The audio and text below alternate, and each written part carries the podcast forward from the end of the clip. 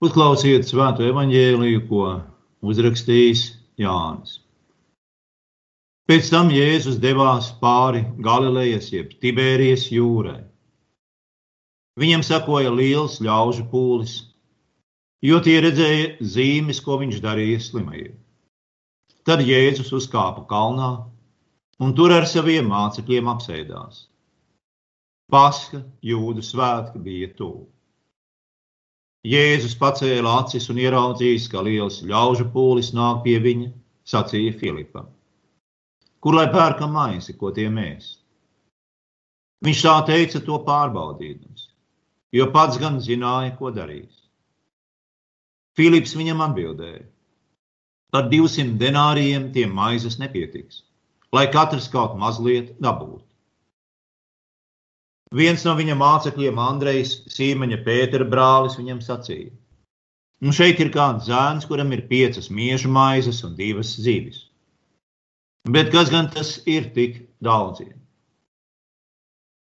Jēzus sacīja: Lieciet ļaudīm apsēsties. Un tajā vietā bija daudz zāles, un tie apsēdās skaitā 5000 vīri. Tad Jēzus paņēma maizes un pateicies Dievam, izdalīja mācekļiem. Bet mācekļi tiem, kas bija apsēdušies. Tāpat arī no zivīm, cik kurš gribēja.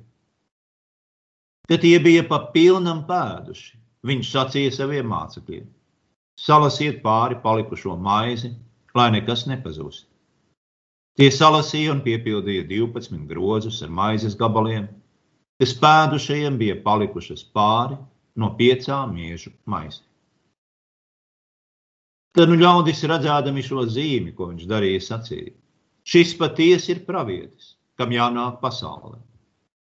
Bet Jēzus nomanīdams, ka tie grasās nākt un viņu satvērt ar varu, lai celtu par ķēniņu, devās atkal viens pats uz kalnu.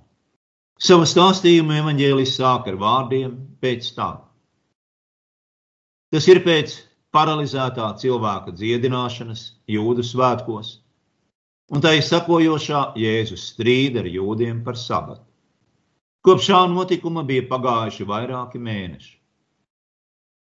kuru laikā Jēzus no Jeruzalemes bija atgriezies Galilejā un turpinājis dziedināt neveselos un sludināt, bet tagad viņš kopā ar mācekļiem dodas otrpus Galilejas jeb Tibērijas jūrai. Viņi būs apmetušies ezera austrumu krastā, ar zāli apaugušā stāvā nogāzē. Bija pavasaris. Ļaužu pūlis, kas sakoja Jēzum, pieder pie tiem brīnumu kārajiem ļaudīm, par kuriem evaņģēlists stāstīja iepriekš saistībā ar Jēzus darbību Jeruzālē. Viņa sakošana Jēzum šeit ir saprotama nevis kā garīga sakošana, bet sakošana burtiskā, fiziskā nozīmē.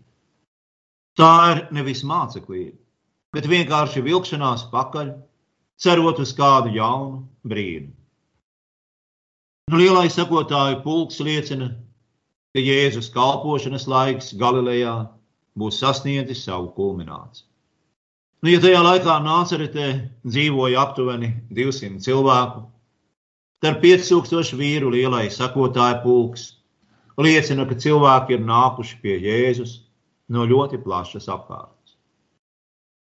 Jēzus meklēja vientuļāku vietu, lai pabūtu kopā ar saviem mācekļiem. Nesen viņš bija saņēmis ziņu par Jāņa Kristītāja noslapkavošanu. Un Kristītāja nāve būs modinājusi Jēzu pabūt kopā ar saviem mācekļiem, lai kopīgi pārdomātu un pārunātu ne tikai pravieša Jāņa likteni, bet arī to, kas sagaidīja Jēzu pašu. Un tomēr ļaužu pūlis neatstājās. Un jau pēc brīža pacēlis acis, Jēzus ierauga, ka tie nāk pie viņa. Un šajā brīdī viņš jautā mācekļiem, kur dabūsim maizi, ko tie mēs. Apkārtne ir vientuļa, un Jēzus rūpes ir labi saprotams. Viņš bija laipns un žēlsirdīgs pret tiem, kuri klausījās viņa vārdus. Bet kāpēc viņš jautā mācekļiem, ja pats jau zina, ko darīs? Evanģēlis atbild, ka Jēzus ir vēlējies viņus pārbaudīt. Un ko dara mācekļi? Viņi tūdaļ sāk skaitīt naudu un rēķināt. Nu, bet jau pašā sākumā ir skaidrs, ka visiem nepietiks. Nepietiks pat ne tik daudz, lai katrs dabūtu kādu mazu. Nu, tā ir situācija, kas ir raksturīga visai cilvēka dzīvei. Mēs raugāmies uz to, kā mums trūkst, mēs raugāmies uz šķēršļiem, bet nevis uz to, kurš vienīgais spēj situāciju atrisināt. Jēzus ir gatavs uzņemties rūpes. Tomēr viņš vēlas ar šo brīnumu pateikt kaut ko citu, kaut ko daudz lielāku nekā to, ka viņš spēja apgādāt cilvēkus ar maizi. Spriežot pēc Mateja atstāstījuma, pēc Jēzus rīkojuma no kāda zēna tikušas nopirktas piecas maizes un divas zīves. Par to pašu šeit runā Jānis, ka mācekļi ir atraduši kādu, kam bijušas piecas maizes un divas zīves. Un tad Jēzus liek sasēdināt ļaudis rindās pa ģimenēm un dod cilvēkiem maizi un zīvis, dod mācekļiem maizi un zīvis, Tie tās sniedz tālāk, līdz sātīgi pēduši ir visi. Pārpalikums tiek rūpīgi savākts, un no divām zivīm un piecām maizēm pāri ir palikuši 12 grozi. Un tā nav kāda alegorija vai līdzība, mēs runājam par reālu, konkrētu notikumu. Sātīgi pēduši ļaudis izdara secinājumus. Jēzus ir pravietis. Pravietis, kuram ir jānāk, Mēsija Kristus. Viņš dziedina un dod maizi, un ko mums vairāk vajag? Vedam viņu uz Jeruzalemi un ceļam par ķēni. Tā vietā, lai izmantotu šo situāciju, Jēzus atstāja mācekļus, un viens pats, lai viņa pazušana būtu grūtāk ievērojama, dodas atpakaļ uz kalnu, no kura viņš sākotnēji bija devies pretī ļaužu pūli. Nu, kādēļ Jēzus nevēlas kļūt par ķēniņu un turpināt dziedināt un barot savus ļaudis? Tas taču būtu tik skaisti. Tādēļ, ka Jēzus jau ir ķēniņš, bet viņš ir pavisam citāds ķēniņš nekā šīs pasaules ķēniņš. Viņš negrib cilvēkus piespiest un pakļaut ar brīnumu palīdzību. Jo brīnumi un ārēja piespiešana nemaina cilvēku sirdis. Un tādēļ Jēzus vēlējās brīvu, nepiespiestu, mīlestības pilnu sirdi. Un ar šo brīnumu viņš vēlējās parādīt, ka viņš pats ir debesu maize. Maize, kas pasaulē dod dzīvību. Viņš ir Dieva apsolītais Kristus. Viņš ir Dieva sūtīts, lai glābtu pasauli no garīga bada. Ļaudis to nesaprata, vai arī negribēja saprast. Un atkārtoja to pašu kārdinājumu ar laicīgo varu, ar kuru Sātans jau bija kārdinājis Jēzu tuksnesī. Reti kurš šajā jautājumā ir ieskatījies tik dziļi, kā diženais krievu rakstnieks Fjodors Dostojevskis. Savā dramatisma pilnajā darbā Brāļa Karamāza. Nodaļas lielinkvizitors darbība norisinās Spānijā, Seviljā 16. gadsimtā. Visbriesmīgākajā inkvīzijas laikā, kad dievam par godu visā zemē katru dienu dega sāpes. Nu, kardināls lielinkvizitors ir apmierināts, jo tikko kā uz sārta ir sadedzināti gandrīz simts ķeceri. Un šajā brīdī pilsētā parādās kāds vīrs, kurā visi atpazīst Kristu. Apliecinot to, kas viņš ir, šis vīrs pieceļ no nāves kādu nesen mirušu septiņus gadus vecu meiteni. Visi ir sajūsmā, izņemot inkvizitoru. Viņš rauc sirmās, biezās uzacis, un viņa skatienā zīb ļaunu vēstoša uguns. Vīrs, kurš piecēla no nāves meitenīti, Tūdaļ tiek apcietināts un iemests cietumā. Inkvizitors ierodas pie viņa cietuma kamerā un tūdaļ sāk ar pārmetumu. Tu esi visu nodevis pāvestam, un tā tad viss tagad ir pie pāvesta. Bet tu vari nenākt tagad nemaz. Nu, netraucē kādu laiku vismaz. Kas ir tas, ko Kristum nevajadzētu traucēt? Viņam nevajadzētu atkal atsākt runas par brīvību. Cilvēki no brīvības ir labprātīgi atteikušies, nolikuši to pie varas vīru kājām, un tagad beidzot ir laimīgi. Jo tiem vairs nav jādomā par to, kas ir labs un kas ir slikts, un nav arī jārūpējas par maizi. Viņiem tiek pateikts priekšā, kas jādara, un paklausība tiek atalgota ar maizi. Un Kristum tiek pārmests, ka viņš ir noraidījis šo vienīgo ceļu, kas cilvēkus var darīt laimīgus. Tu tiki brīdināts, saka inkvizitors. Tevi brīdināja lielais un gudrais garš, kurš runāja ar tevi tuksnesī. Viņš uzdeva tev trīs jautājumus, un tos ir nepareizi saukt par kārdinājumiem. Jo tajos ir sakopota vienā veselā un pasludinātā veidā visa tālākā cilvēces vēsture. Un atrisinātas visas cilvēka dabas pretrunas. Pasaulē ar tukšām rokām un nezinu kādu brīvības solījumu, kuru viņi savā vientiesībā un iedzimtajā nekrietnībā nemaz nevar izprast, no kura tie baidās un kurš tos šausmina. Jo cilvēkam un cilvēku sabiedrībai nekad nekas nav bijis neciešamāks par brīvību. Tā vietā tev piedāvāja pārvērst akmeņus maizē. Un tev pateicīga un paklausīga skries pakaļ visa pasaule. Bet tu? Tu negribēji atņemt cilvēkam brīvību un noraidīji šo priekšlikumu. Jo kas gan tā par brīvību tu spriedi, ja paklausība pirkta par maizi? Bet taisni šai jautājumā bija ietverts šīs pasaules lielais noslēpums. Paņēmis maizi, tu atbildētu vispārējām un mūžīgajām cilvēces skumjām. Kā katrai būtnei pa sevi, tā visai cilvēcei kopā. Kā priekšā locīt ceļus. Nu, tik tālu Dostojevskis. Bet lūk, tas ir lielais sociālisma kārdinājums. Atdodiet mums savu brīvību. Mēs jums pretī dosim maizi un drošību.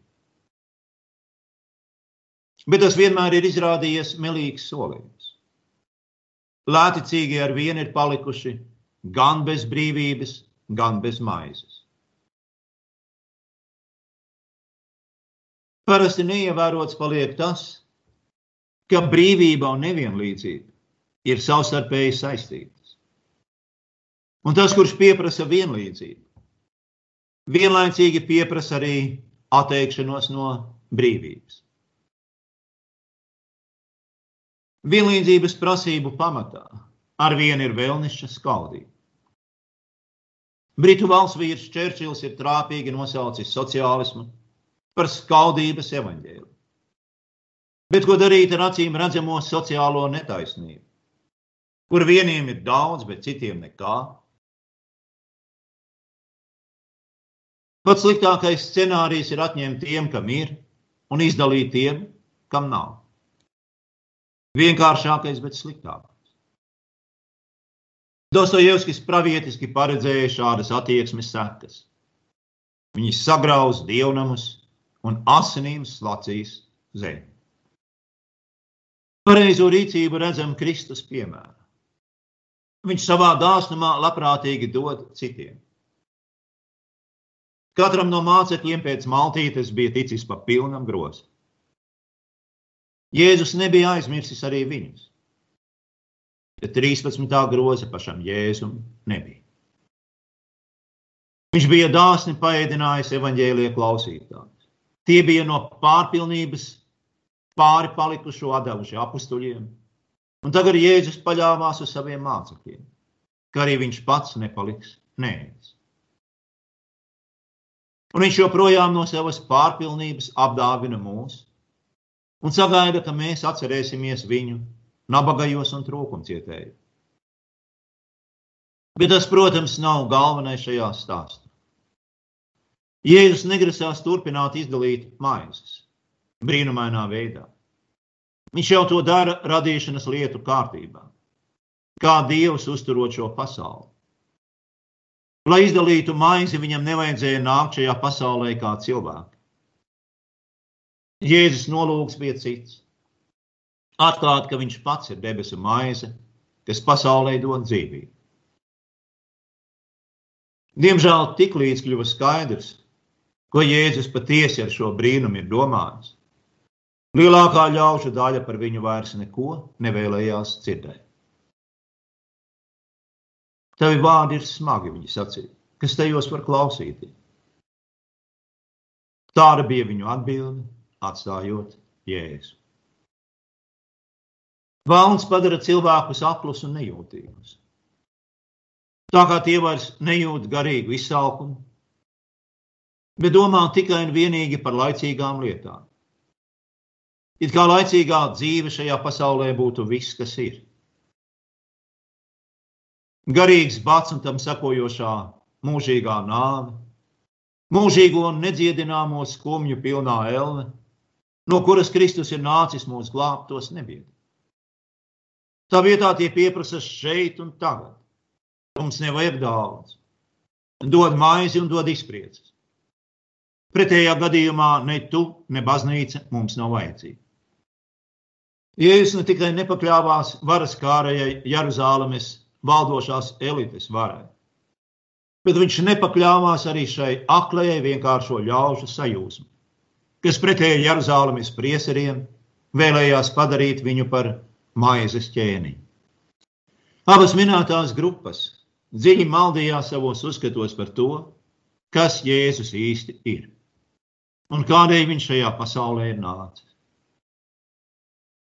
Šie ļaudis balstījās pilnīgi pasaulīgā, laicīgā, nacionālistiskā un politiskā lietu redzējumā.